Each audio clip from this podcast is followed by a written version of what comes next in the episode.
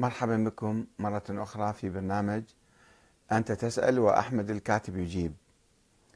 لدينا سؤال عن أصل الخلاف بين آه، ولاية الفقيه وما يعرف بالشيرازيين. الشيرازيون هم تقريبا الآن يعني مرجعية مستقلة ويقودهم الآن السيد صادق الشيرازي مرجعهم وقبل ذلك كان أخوه السيد محمد الشيرازي رحمة الله عليه. السيد محمد الشيرازي كان يؤمن بنظرية ولاية الفقيه منذ بداية الستينات يعني منذ نشأته أو وهو كان أحد رواد الحركة الإسلامية في العراق. وزميل أو مرافق لمؤسسي حزب الدعوة الإسلامية في العراق في نهاية الخمسينات. هو كان نشط من بداية الخمسينات بالحقيقة وبدأ يكتب ويعمل وكان متحمس للإسلام كثيرا وكتب كتب كثيرة جدا. آه، وكان يلقي أسبوعيا محاضرة محاضرتين ثلاثة أحيانا بصورة دورية في كربلاء. وأنا كنت منذ صغري أحضر محاضراته في مسجد العطارين في كربلاء. وأحضر محاضرة أخرى خاصة لطلبة العلوم الدينية في مدرسة ابن فهد الحلي. آه، وأيضا نحضر في بيته ونقرأ كتبه وفي مدرسته. آه، هو كان يؤمن بنظرية ولاية الفقيه.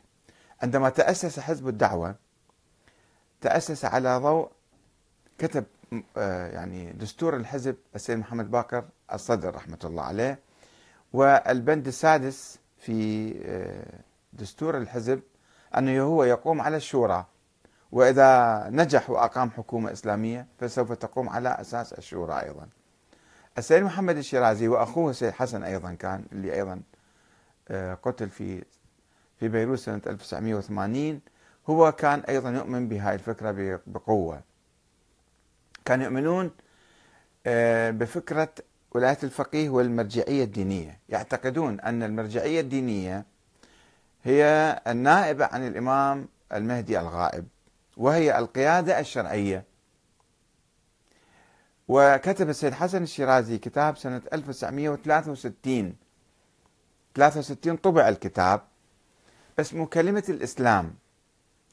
وفي هذا الكتاب بحث مفصل ضد نظرية الحزب وهذه نظرية الحزب واردة من الغرب وبالتالي لا تجوز وقائمة على الشورى والشورى لا تجوز. في المنطق الشيعي ذيك الأيام. وأن ولاية الفقيه هي القيادة الشرعية. فكان يؤمن السيد الشيرازي والحركة الشيرازية ومنظمة العمل الإسلامي اللي أنا كنت أحد يعني أفرادها هي قامت على ضوء هذه النظرية. وحركتنا أو حركة منظمة العمل التقت مع حركة الإمام الخميني آه، في كربلاء. وكانت علاقات السيد الشيرازي مع الإمام الخميني أيضا كانت قوية. رحب فيه في كربلاء وأعطاه مكانه حتى يصلي في الحرم الحسيني ويعني رحب به أفضل ترحيب وأيد انتفاضة 1963 آه، المعروفة ب 15 خرداد. وكان يجون يعني ابن السيد الخميني السيد مصطفى الخميني كان يجي إلى كربلاء ينزل في مدرستنا. المدرسة الحسنية في كربلاء كانت هناك مدرسة دينية في في السبعينات يعني وبداية السبعينات. آه، فالإمام الخميني ألقى دروس حول ولاية الفقيه سنة 69 وجمعت في كتاب الحكومة الإسلامية. وكانت تأتينا كراريس كل محاضرة كل ما يلقي محاضرة يجيب لنا إياها. الشيخ المنتظري أيضا الشيخ محمد المنتظري أيضا رحمة الله عليه. كان يجيب لنا هاي الكراريس وإحنا هي فكرنا يعني كنا نؤمن بهذا الشيء. وعندما قامت الثورة الإسلامية في إيران آه، ووضع يعني في الدستور مبدأ ولاية الفقيه آه، يعني إحنا شفنا هذا شيء طبيعي. وحتى السيد الشرازي كان هذا مؤمن بهذا النظام ومتفاعل معه. ولكن آه، يبدو السيد الشرازي كان يطمح عندما جاء من الكويت هو طبعا هاجر من العراق إلى الكويت في بداية السبعينات وبعد انتصار الثورة ذهب إلى إيران وجاء الإمام هو كتب الإمام الخميني أنا أريد أزورك أهنيك بانتصار الثورة. فالإمام قال له لا أنت يعني عندك عليك عندك فضل علينا وإحنا لازم نجي نزورك. فالإمام أنت جاي من السفر فالإمام ذهب لزيارتي في بيتي عندما ذهب إلى قوم كانت علاقاتهم ودية جدا. وعرض عليه الإمام عن طريق ابنه أحمد سيد أحمد أن يكون الشيرازي إمام جمعة الأهواز. اقترح عليه. الشيرازي طبعا رفض هذا العرض لأنه كان يشعر نفسه هو مرجع. ويكون يعني في إمام جمعة بلد صغير مثلا هذا لا ما يناسبه ما يناسب مرجعيته. وعليه أن يندمج في آه، النظام الإيراني ونظام الإمام الخميني. آه، فرفض هذا الشيء. وبقى سنتين تقريبا هو مؤيد مؤيد ومتفاعل وكان يلقي خطابات في الإذاعة أحيانا الإذاعة العربية.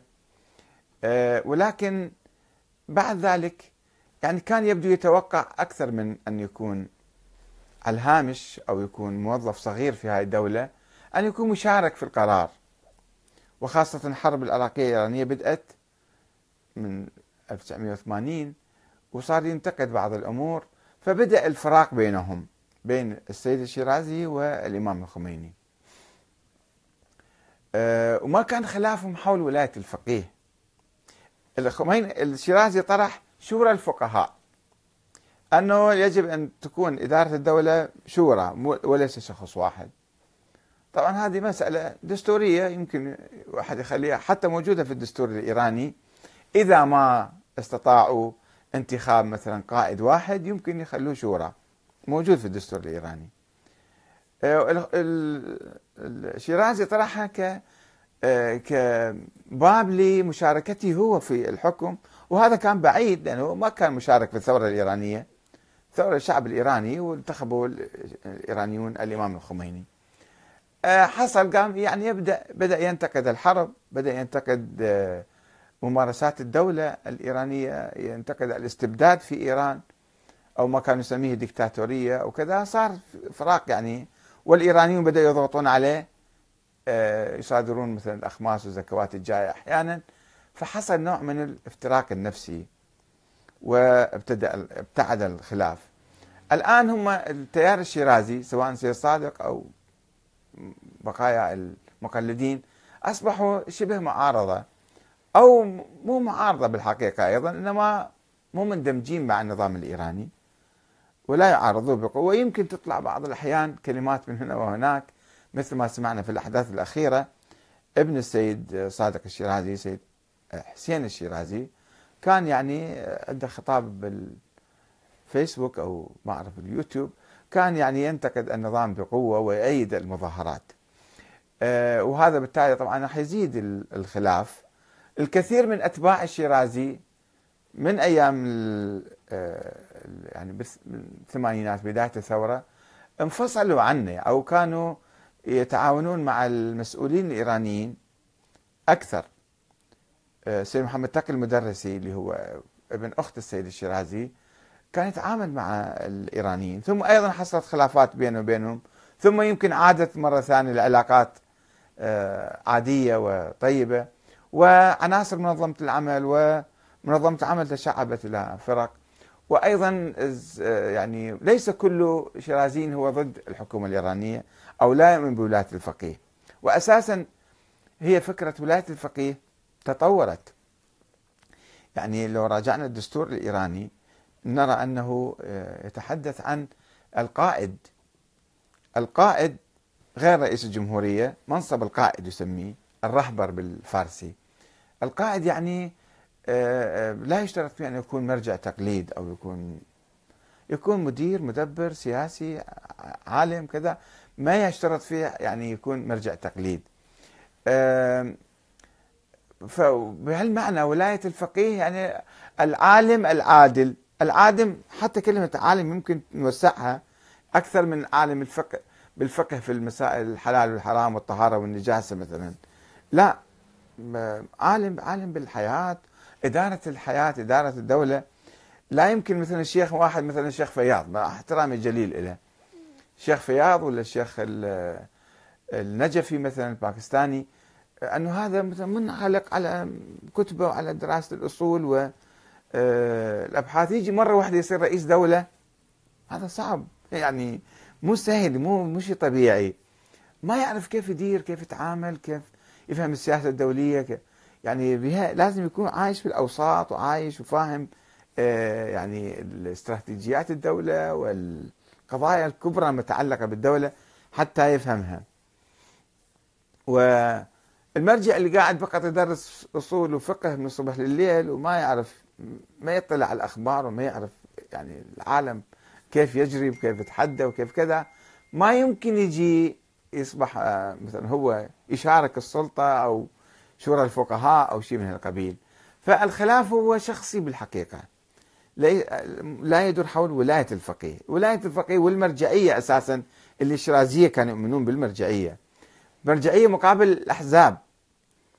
ثم حتى الشيرازي نفسه في بالثمانينات بدأ يدعو إلى حرية الأحزاب وإلى تعدد الأحزاب. سابقا يعني في الستينات كان يحارب الأحزاب نظرية الأحزاب يحارب مبدأ الحزب والتحزب. يقول هذا ما يجوز في ظل المرجعية والمرجعية عندنا وكلاء وكذا وهكذا ندير الدولة أو ندير المجتمع. بعد ذلك لا شاف أنه ضروري أن يكون في أحزاب أيضا. مو فقط أنه آه، علماء وكذا. الآن بعض العلماء يقولون أن الأحزاب أو الناس اللي داخلين في الأحزاب يجب أن يحظوا بإجازة من الفقيه. مثلا الشيخ محمد اليعقوبي الآن كما أرى بعض تلاميذه أو بعض أصدقائه أنه ما يجوز لا شرعية لأي حزب إلا بأن يأخذ من الفقيه. إجازة من الفقيه. هذه نظرية قديمة كان يقول بها الشيرازي في الستينات. ومنظمة العمل قامت على ذلك. قامت على أساس ذلك. أنه هي ليست حزبا وإنما هي منظمة تابعة للمرجع. فما فيها انتخابات وما فيها شورى وما فيها كذا. المرجع كل ما يقول المرجع هو صحيح. وهذا آه، الشيء اللي ربما أيضا أضر بالمنظمة كثيرا. الآن بعض العلماء أو الفقهاء يعتقدون أنه أيضا لا شرعية لأي عمل سياسي إلا أن يأخذ إجازة من من الفقيه. طبعا هذا إذا رجعنا لي وراء أكثر في العهد الصفوي أنه الشيعة ما كانوا يؤمنون بالحكم، ما يجوز واحد يسوي دولة ويحكم. فكيف نحلل هاي الدولة اللي قامت الدولة الصفوية أحد ملوك إيران اللي هو الشاه طهماز يسموه طهماس بالفارسي أو طهماس بالعربي يسموه. هذا قال آه، آه، أنه أنا نائب الفقيه جاب له فد مرجع اللي هو الشيخ علي عبد العالي الكركي من لبنان وقال له أنت يعني كل الأمور بيدك والدولة كلها بيدك وأعطيني إجازة. فصاروا الفقهاء الشيعة يعطون إجازة للملوك أن يحكموا باسمهم. والآن بعض الفقهاء مثل الشيخ اليعقوبي أو الشيرازي سابقا أنه ما يجوز أي واحد يحكم إلا يأخذ إذن من الفقهاء أو يأخذ شرعية من العلماء.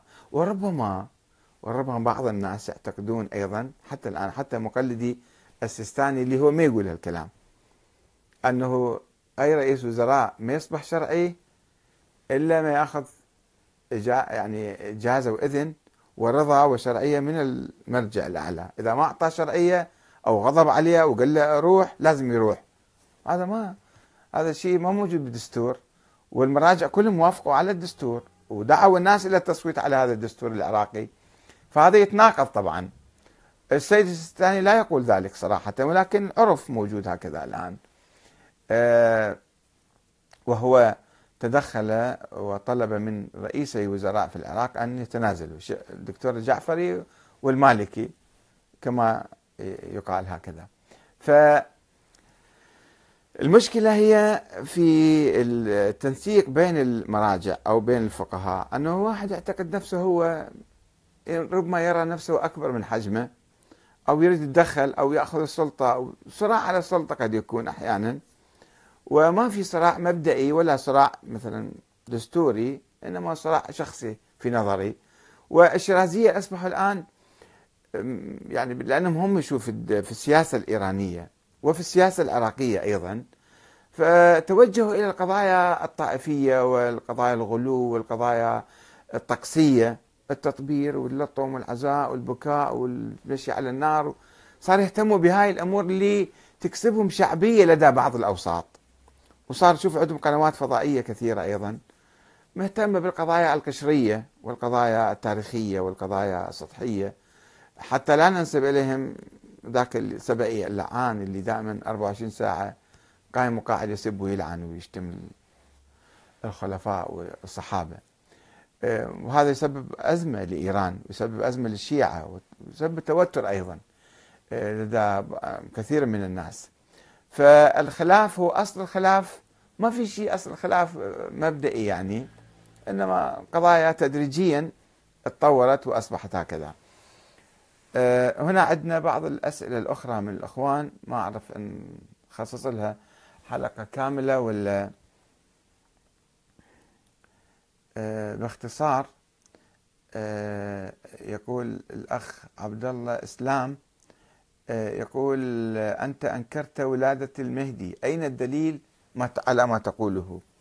هكذا يسأل الشيعي هل عندك بحث ينسف نظرية الإمام الاثني عشرية مدعوم بالدليل؟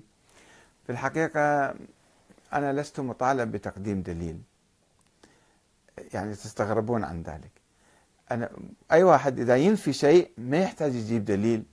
اللي يثبت دائما في المحاكم هكذا قانون موجود في القضاء. الدليل على من ادعى. وفي المحاكم يقولون واليمين على من أنكر. آه، هنا المسألة مو قضية شخصية حتى يحلف واحد عليها أنه موجود أو غير موجود.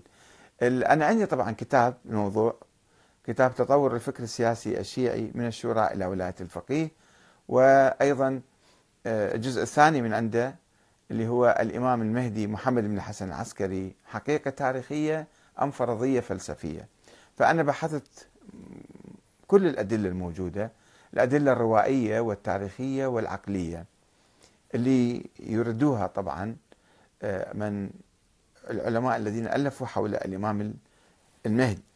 أو الغيبة. فهؤلاء يقولون هذه أدلتنا. بحثت هذه الأدلة دليلا دليلا وفقرة فقرة فوجدت الأدلة الروائية مختلقة ضعيفة ما لها صحة. والأدلة التاريخية مجرد إشاعات. ليست رواية حتى. وحتى أن الكافي يعني النواب الأربعة مثلا الكلين لم يذكرهم أصلا. لما كان يعتقد فيهم كثير يبدو. والدليل المعتمد الرئيسي هو الدليل العقلي يقولون أننا نؤمن بنظرية الإمامة.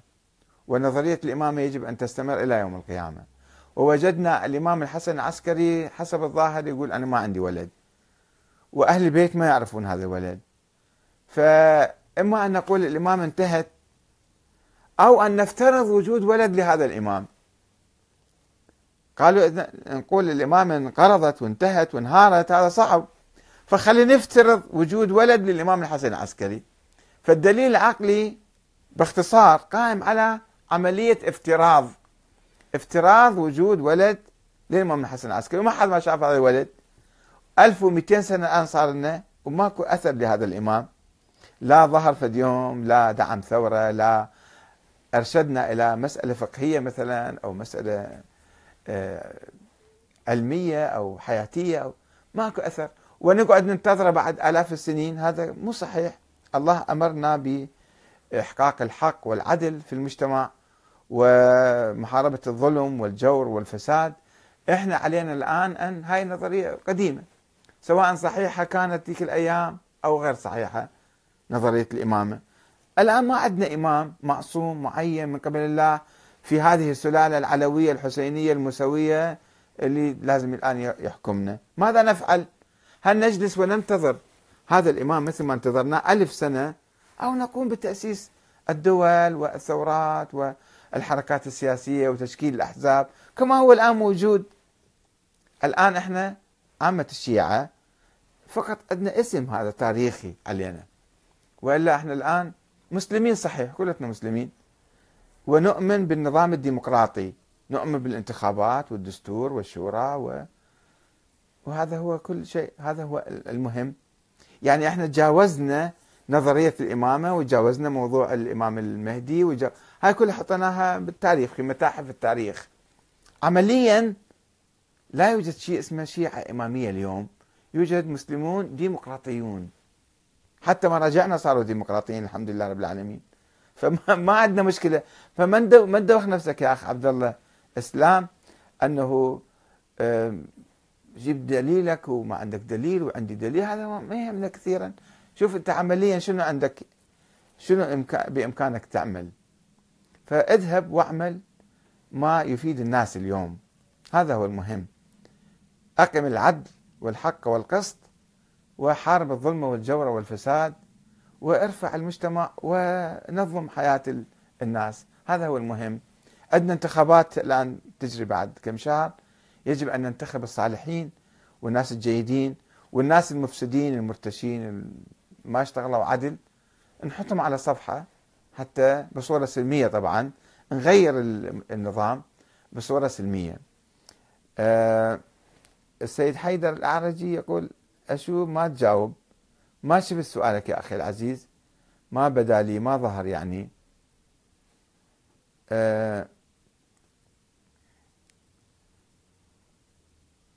آه إن شاء الله إذا في أسئلة أخرى أنا أشوفها وأجاوب آه، عليها في المستقبل. والسلام عليكم ورحمة الله وبركاته وتصبحون على ألف خير.